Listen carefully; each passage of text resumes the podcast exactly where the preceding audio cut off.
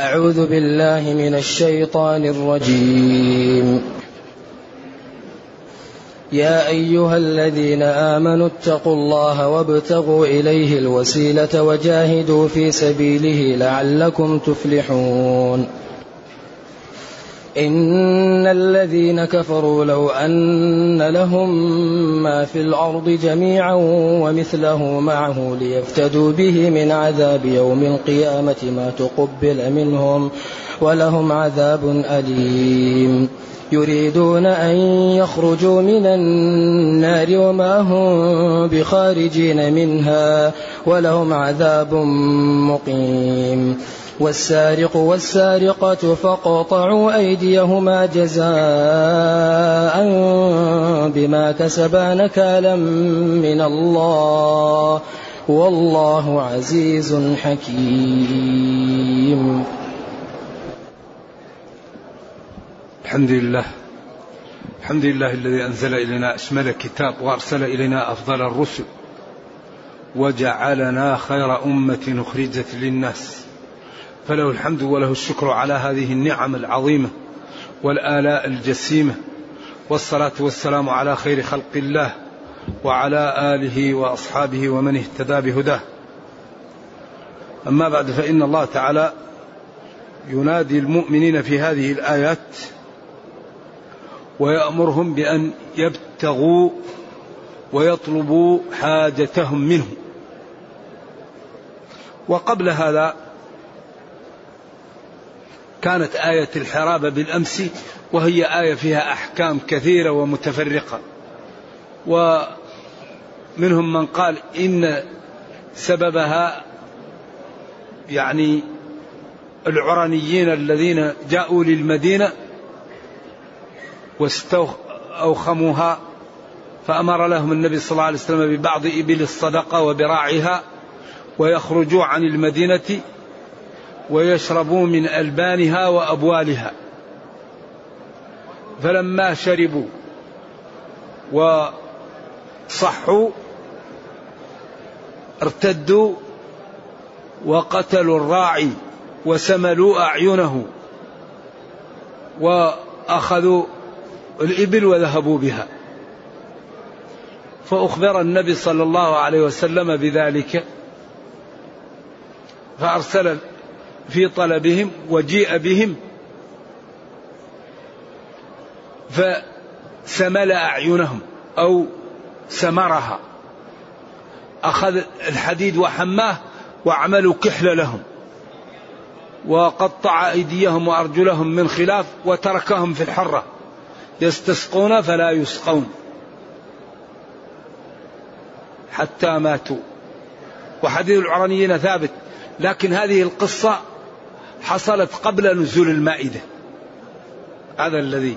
ولذلك كون إن السياق في أهل الكتاب أوضح من هذا. أيوه. وعلى كل حال العبرة بعموم ألفاظ الشريعة لا بخصوص أسبابها. يعني أحكام الشريعة ينظر لعمومات اللفظ لا لأسباب النزول. والذين يرمون المحصنات. هذه مثلا نزلت في إحدى عائشة لكنها ماذا؟ كل من يرمي محصنة ولم يأتي بأربعة شهداء هذا حكمه إذا العبرة في الشريعة بعموم ألفاظها لا بخصوص أسباب هذا قول الجمهور. إلا إذا جاءت القضية خاصة. إذا لم يقال خاصة فالعبرة بعموم ألفاظ الشريعة. لذلك آية وكان الإنسان أكثر شيء جدلا نازلة في أحد كفار قريش. والنبي صلى الله عليه وسلم جاء لعلي وفاطمة ووجدهما نائمين.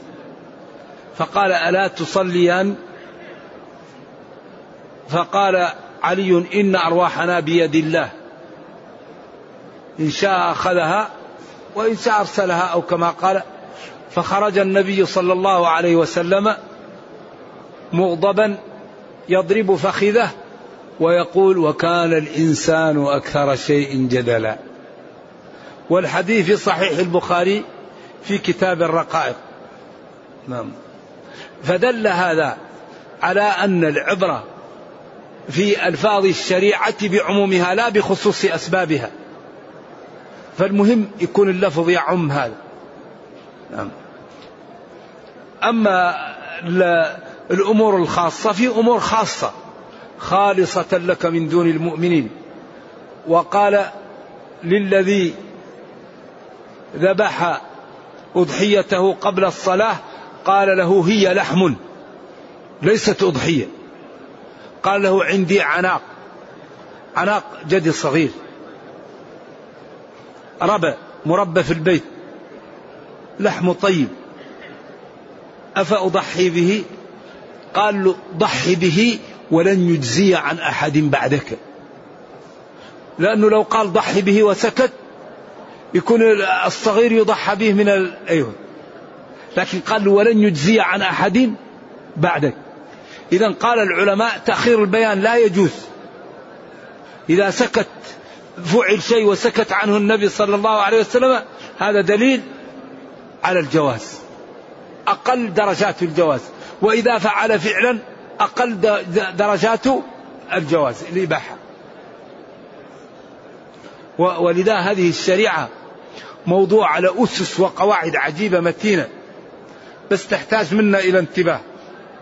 إذا ثم يقول يا أيها الذين آمنوا تكررت نداءات المؤمنين في هذه السورة لكثرة الأحكام و و و و والأمور التي تحتاجها الأمة فيها. يا أيها الذين آمنوا. هذا النداء يعني فيه نوع من التحبيب للنفس ونوع من التشجيع للتنفيذ. ما في أجمل من واحد تقول له يا مؤمن. وهذا نداء من من؟ من الله. وينادي خلقه ويقول يا أيها الذين آمنوا إذا حري بما يأتي بعد هذا أن ينفذ وأن يعمل وما ينهى عنه أن يترك. يا أيها الذين آمنوا اتقوا الله. ما أكثر الأمر بالتقى في القرآن. الأمر في التقى بالقرآن يأتي كثيرا كثيرا. لأن التقى هو بمثابة الروح للحياة النفس. الإيمان نفسه التقى. هو اللي يقوى به هو اللي يحمي هو اللي ينصر هو اللي يجعل الإنسان يعمل المستحيل هو اللي يجعل الرب يحميك هو اللي يجعل حياتك تكون سعيدة. هو الذي عجيب التقى. لذلك المتقي لا يقاوم. ما دام العبد متقي لله لو جاءه أهل الأرض لا يستطيعون مقاومته. أبدا ما يقاوم المتقي. لذلك من أكبر أسباب ضعف الأمة عدم التقى.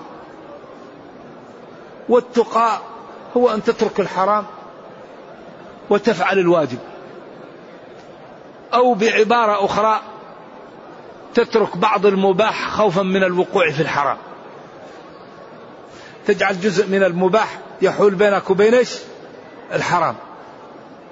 و الله أخبر أن المتقي يجعل له منفذ ومن يتقي الله يجعل له. من شر وجزاءها يجعل له. قال ابن إسحاق منفذا. الذي يتقي الله يجعل له منفذ من كل ضيق. إن تتقوا الله يجعل لكم فرقانا. يعني يجعل لكم بصيرة وفهما وملكة تفرقون بها بين النافع والضار. يعني يعطيكم الله بالتقاء الملكة التي بها يقتنع بكلامكم التي بها تجلبون الحسنات التي بها تجلبون المال التي بها تجلبون السمعة. الذي يتقي الله يهيأ للخير يهيأ للتوفيق. الذي يريد به شرا الله يدفع عنه. إن الله يدافع عن الذين آمنوا. يا أيها الذين آمنوا اتقوا الله واتقوا أصلها فاءها واو. من وقى يوتقوا ولذلك يوتقي أصلها. وكل فعل فاء واو مضارع وأمر ومصدر يحذف منه الواو. فأمر أو مضارع منك وعد احذف وفي كعدة ذاك الطرد. ولذلك تقول اتقي وتقول يتقي وتقول تقاه. دائما في هذا.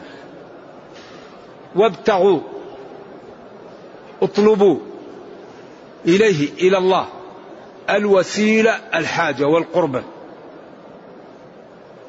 ولذلك الحاجة تطلب من الله و و والعبادة تطلب من الله والوسيلة تطلب من الله.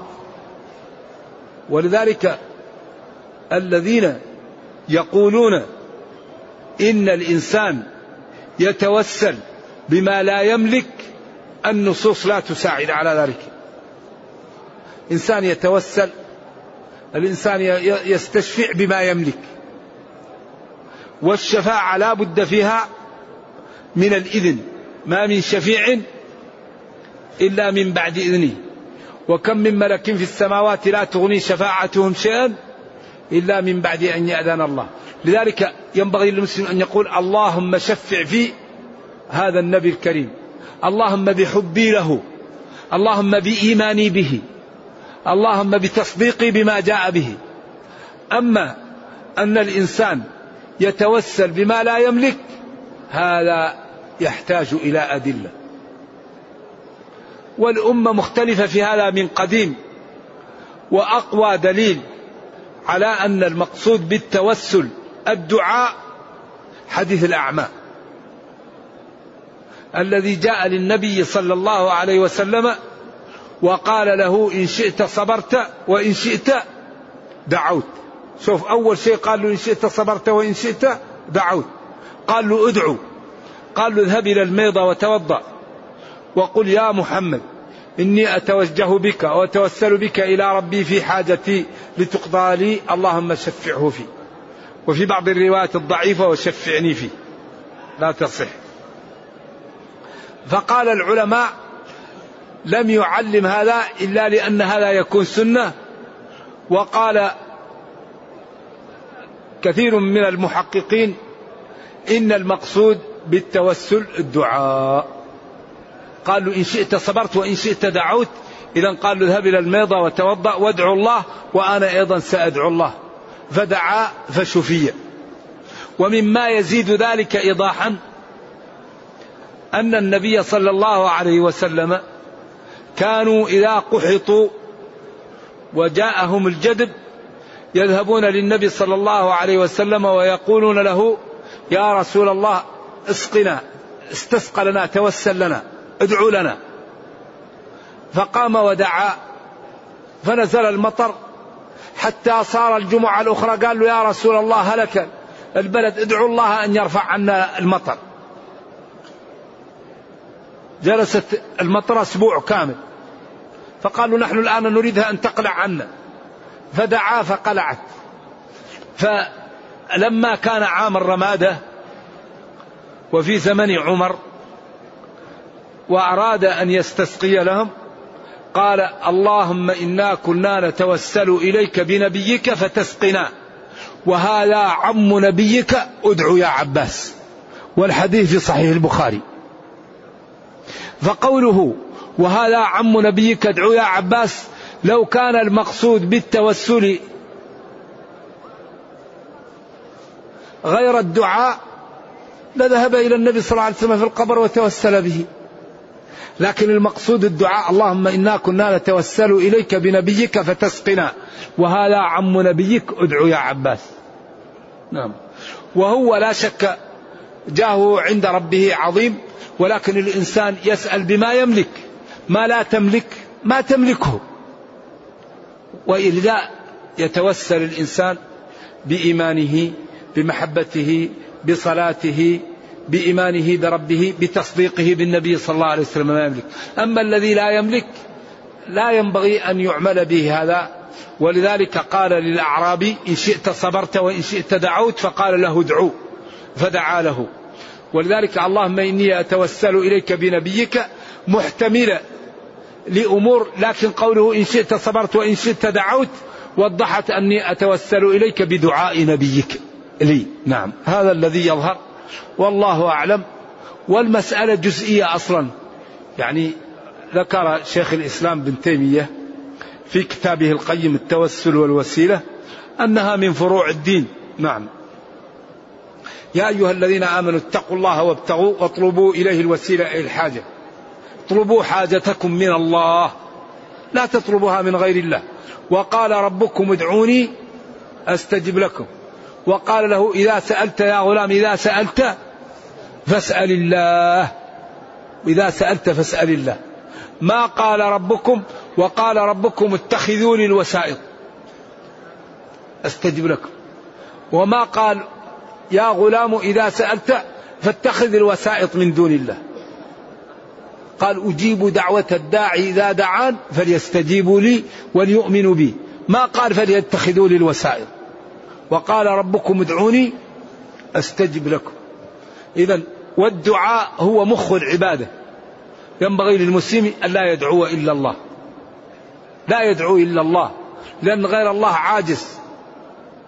ولذلك كررنا مرارا في هذه الدروس المباركة أن الله تعالى ذكر في سورة النمل بعد خلق الجبال وبعد ما أوجد من المخلوقات قال في نهاية المقطع أمن يجيب المضطر إذا دعاه؟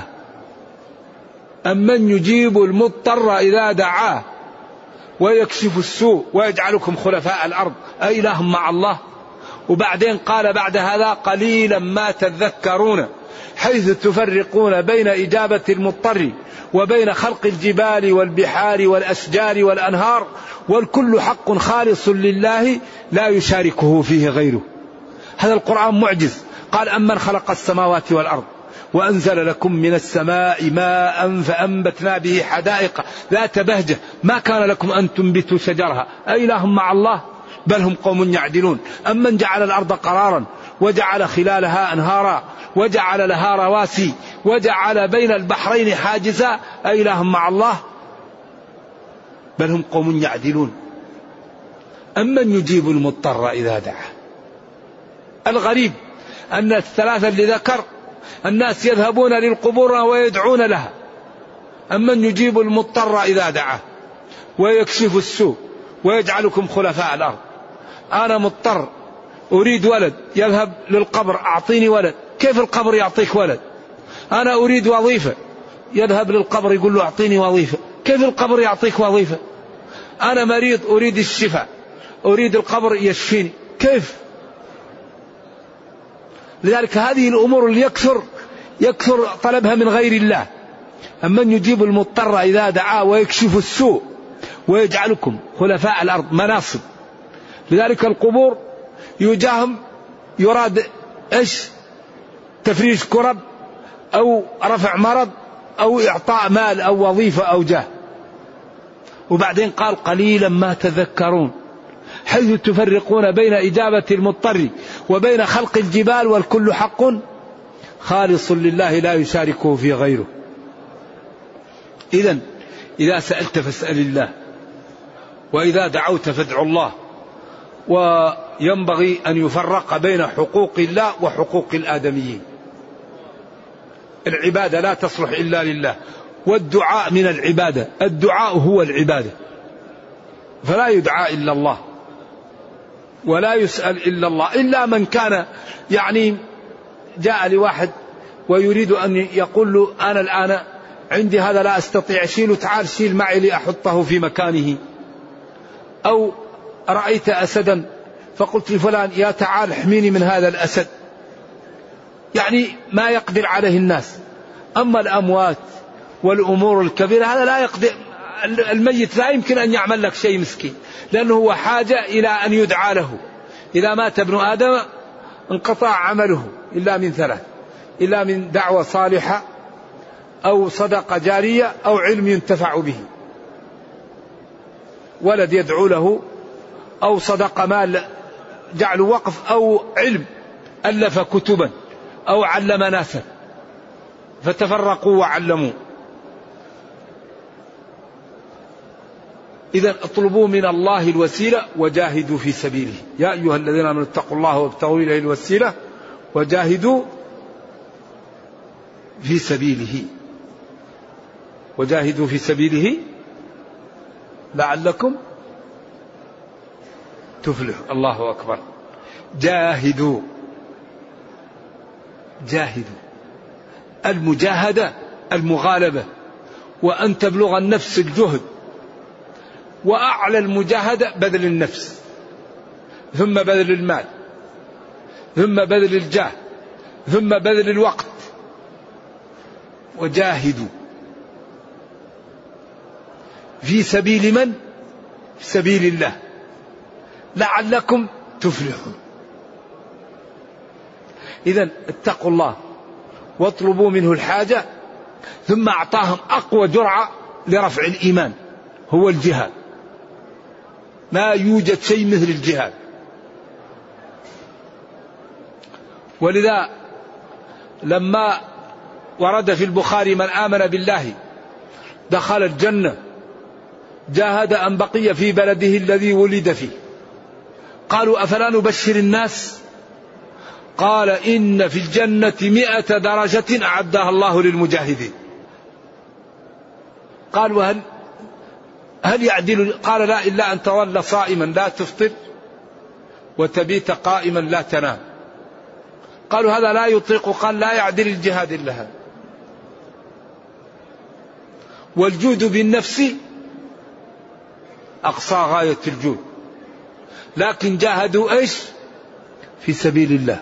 ما هو في سبيل الشيطان. ما هو في سبيل ليقال. ما هو في سبيل عمياء. ما هو في سبيل عصبية. لا في سبيل الله. ولذلك لما سئل النبي صلى الله عليه وسلم الرجل يقاتل حمية والرجل يقاتل للمغنم والرجل يقاتل ليرى مكانه. فقال من قاتل لتكون كلمة الله هي العليا. من قاتل لتكون كلمة الله هي العليا. وجاهدوا في سبيل الله. والحقيقة ما ترك قوم الجهاد إلا إيش؟ ذلوا. ومع الأسف أن أعداءنا أصبح في كثير من أعراف الناس الجهاد يختفي معهم مع الظلم ومع ومع الإجرام. الجهاد باب من أبواب الشرع مطالب به ومأمور الأمة به وأن العالم لا بد إدارات تكون بيد المسلمين. كل الإدارات في العالم يجب أن تسلم للمسلمين. السلطات في كل العالم بيد المسلمين. من شاء فليؤمن ومن شاء فليكفر شريطة تسليم الإدارة للمسلمين. لأن المسلمون هم اللي يعدلون بين الناس وهم الذين يجعلون شرع الله على خلق الله فيظهر جمال الدين وتظهر العدالة ويظهر حسن هذا الدين. فأصبح كثير من أعداء المسلمين يشوهون الجهاد ويشوهون الإسلام ويجعلون قتل الأبرياء وظلم الناس والانتقام وأمور لا علاقة لها بالجهاد يسمونها باسم الجهاد فاختلط الحابل بالنابل عند غير المتعلمين وعند أعداء الدين فأصبح الجهاد كأنه جريمة. ولذلك لا بد للعقلاء ولمن لهم إمكانيات أن تكون لهم قنوات جادة لبيان الجهاد الصحيح ولبيان مرتبته وفضله ولما يجب على الأمة نحو غير المسلمين. الأمة المسلمة واجب عليها أن تبلغ هذا الدين للعالم. كما أنها يلزم أن تكون الإدارات بيد المسلمين. كل الإدارات في العالم ينبغي أن تكون بيد المسلمين. من شاء فليؤمن ومن شاء فليكفر. شريطة أن تسلم الإدارات في العالم ليد المسلمين. لأنهم هم الذين يعدلون بين الناس. هم الذين يرفقون. هم الذين لا يكيلون بمكيالين. المسلم لا يكيل بمكيالين. يعدل مع أي واحد ولا يظلم. ونبينا قال في كل كبد رطب أجر. أما هم يكيلون بمكيالين. لهم مكيال للمسلمين ومكيال لمن؟ لقومهم للكافرين. الآن العالم يعيش انفصام ظلم واضطهاد للمسلمين وتكالب عليهم. وأمور إذا رآها العقل يتعجب. ولذلك هذا منذر بكوارث تأتي للعالم. لأنهم هم ازدهروا وقووا وأعطاهم الله هذا النعم وهذا المال وهذا التطور بالعدالة الدنيوية. الغرب أعطاها الله هذه العدالة هذا الازدهار وهذا القوة بفضل الله ثم بفضل العدالة الدنيوية. فإذا زالت العدالة وهم كفار هم الآن مظن لأن يأتيهم هلاك دمار إما بالاقتصاد أو بالأعاصير أو بطوفان أو بشيء لأن لأن الظلم الكفر إذا زاد معه ظلم يساوي دمار.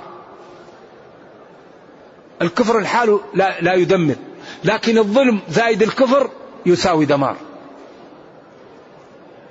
دائما تجد أن سبب الدمار تكذيب الرسل بضميمة عقر الناقة بضميمة عمل فاحشة لوط بضميم تطفيف الكيل والميزان. كفر زائد إجرام هذا يساوي دمار. لذلك هذا الظلم الآن المستشري والكيل بمكيالين وأن المسلم دم مثل دم البرغوث والمسلمون لا يقيمون وزنا لمصالحهم. ولا لأمورهم. هذه أمور إذا لم يتنبه لها لا ندري ما لا يقع. إذا وينبغي للأمة أن تهتم بمصالحها الحقيقة. تهتم بمصالحها. تهتم بالأمور التي تكون فيها في المكان اللائق بها. ومن أهم الأمور التي تعيدنا لمكانتنا اللائقة بنا هي ماذا؟ تقوى الله. التقوى. لأننا إذا اتقينا لم نختلف. لأن الاختلاف معصية. وإذا اتقينا نعد لأن عدم الإعداد معصية. وإذا اتقينا نعرف الطيبين لأن عدم معرفة الطيبين مخالفة لأمر الله. وإذا اتقينا نثبت. وإذا اتقينا نبذل. وإذا اتقينا نتوق إلى الفضائل. إذا من أكبر أسباب قوة المسلمين الاهتمام بالتقوى الاهتمام بالطاعة. ونسدد ونقارب. ونعلم أن الله تعالى نحن المسلمين في الدنيا سجناء. نحن الآن في سجن. المسلمون في الدنيا سجن. الكفار في جنة. الدنيا جنة الكافر وسجن المؤمن. لأن المسلم إذا مات يفتح له في قبره باب إلى الجنة. ويقول يا رب أقيم الساعة. الكافر إذا مات يفتح له باب إلى جهنم ويقول يا رب لا تقيم الساعة. فنحن الآن في السجن لذا الغريب أن هذه الأمة بهذه الكثرة الكافرة لا تهتم بمصالحها الكبرى. مصالحها الكبرى يعني مشلولة. ومن أكبر الأسباب الخلاف. ولا تنازعوا فتفشلوا. إذا جاهدوا في سبيله أي في سبيل الله.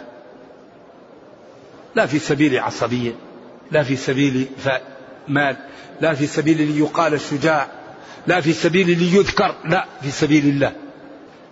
سبيل لعلكم تفلحون. لكي تنجو من النار وتدخلوا الجنة. والفلاح في اللغة أن تأمن مما تخاف وتدرك ما ترغب فيه. إذا أمنت مما خفت وأدركت ما رغبت فيه فهذا هو الفلاح. فمن زحزح عن النار وأدخل الجنة فقد فاز. الفوز هو الفلاح. وجاهدوا في سبيل لعلكم تفلحون. إن الذين كفروا لو أن لهم ما في الأرض جميعا ومثله معه ليفتدوا به من عذاب يوم القيامة ما تقبل منهم ولهم عذاب أليم. هذه الآية مخيفة جدا. إن الذين كفروا لو أن لهم لو فرضنا أن لهم ما في الأرض جميعا ومثله معه لكي يجعلوه يعني بدل أن لا يعذبوا ما تقبل منهم إذا الآخرة ما فيها إلا حسنات أو سيئات. ولهم عذاب أليم. يا وهذا الكلام لا عذر لعاقل بعده. ينبغي الإنسان أن يخاف من الكفر. ويعلم أن الكافر ما يرضى ما يقبل منه شيء. لو جاء كل بكل شيء. لذلك ينبغي للإنسان أن يحذر من الكفر. ويسأل الله أن يموت على الإيمان ويسدد ويقارب. بعدين هؤلاء يريدون أن يخرجوا من النار وما هم بخارجين منها. الكافر يتمنى أن يخرج من النار وما هم بخارجين منها. طبعا هذا الكفار إذا ماتوا في شقاء لا يعلمه إلا الله. يقول عدنا. ماذا الآية التي تقول فيها إيش؟ ربنا أخرجنا منها. فإن عدنا فإنا ظالمون. قال اخسأوا فيها ولا تكلمون. اخسأوا. الخسأ هو الطرد مع استهزاء ودحار وذل. ولا تكلمون. إنه كان فريق من عبادي. يقولون ربنا آمنا فاغفر لنا وارحمنا وأنت خير الراحمين فاتخذتموهم سخريا حتى أنساكم ذكري وكنتم منهم تضحكون. إني جزيتهم اليوم بما صبروا أنهم هم الفائزون. لذلك هؤلاء يقولوا لبثنا يوما أو بعض يوم فاسأل العادين. قال إن لبثتم إلا قليلا لو أنكم كنتم تعلمون. أفحسبتم أن ما خلقناكم عبثا وأنكم إلينا لا ترجعون؟ إذا لا عذر بعد هذا الكتاب. الكافر لو أعطي كل ما في الدنيا ما يقبل منه ما تقبل منهم ولهم عذاب أليم. يريدون هؤلاء الكفار أن يخرجوا من النار وما هم بخارجين منها. ولهم عذاب دائم مقيم. لا لا يزول عنهم ولا يذهب. وهذا الحقيقة ينبغي للعاقل أن ينتبه من هذا. الآيات أتت بهذا لنعتبر ثم قال جل وعلا والسارق والسارقة. والسارق والسارقة. قال السارق والسارقة. وقال هناك الزانية والزاني. قالوا لأن السرقة في الرجل أكثر وأكثر عيبا. والزنا في المرأة أكثر وأكثر عيبا. فذلك قدم لأن الزنا في المرأة أشنع ولأن السرقة في الرجل أشنع فقدم هذا. السارق والسارقة فاقطعوا هي الخبر أو كما يقول سبوه فيما يتلى عليكم السارق والسارقة. وهذا عموم دخله تخصيص. السارق والسارقة فاقطعوا أيديهما. جزاء يعني عقوبة أو مكافأة لسرقتهم بما كسبا بما فعلا نكالا من الله. عقوبة شديدة من الله والله عزيز غالب حكيم في تشريعه. ولا بد للسارق من أن تكون في مواصفات معينة. ولا بد للمسروق من أن يكون متصف بمواصفات معينة. ولا بد أن يكون المكان المسروق فيه بمواصفات معينة. ولا بد أن يكون المال أيضا على قدر معين. حتى يتم القطع. إذا هناك شروط في السارق وهناك شروط في المسروق وهناك شروط في المكان. فإذا لم تتم هذه الأمور لا يكون قطع ولعلنا نوضح هذا في الدرس القادم إن شاء الله. ونرجو الله جل وعلا أن يوفقنا وإياكم لما يحبه ويرضاه وأن يجعلنا جميعا من المتقين. اللهم أرنا الحق حقا وارزقنا اتباعه وارنا الباطل باطلا وارزقنا اجتنابه وأن لا تجعل الأمر ملتبسا علينا فنضل. اللهم ربنا أتنا في الدنيا حسنة وفي الآخرة حسنة وقنا عذاب النار. اللهم إنا نسألك أن تصلح لنا ديننا الذي هو عصمة أمرنا وأن تصلح لنا دنيانا التي فيها معاشنا وأن تصلح لنا آخرتنا التي إليها معادنا وأن تجعل الحياة زيادة لنا في كل خير وأن تجعل الموت راحة لنا من كل شر. اللهم إنا نسألك أن تفرج عن إخواننا في فلسطين. اللهم فرج عن إخواننا في غزة. اللهم فرج عنهم في غزة. اللهم اجعل الدائرة على أعدائهم. اللهم عليك باليهود الغاصبين. اللهم عليك باليهود المعتدين. اللهم إنهم لا يعجزونك. اللهم إنا نسألك الهزيمة لليهود في غزة. اللهم اهزمهم. اللهم املأ قلوبهم خوفا. اللهم اجعل الدائرة عليهم. اللهم رد عن المسلمين كيد أعدائهم. سبحان ربك رب العزة عما يصفون وسلام على المرسلين والحمد لله رب العالمين. والسلام عليكم ورحمة الله وبركاته.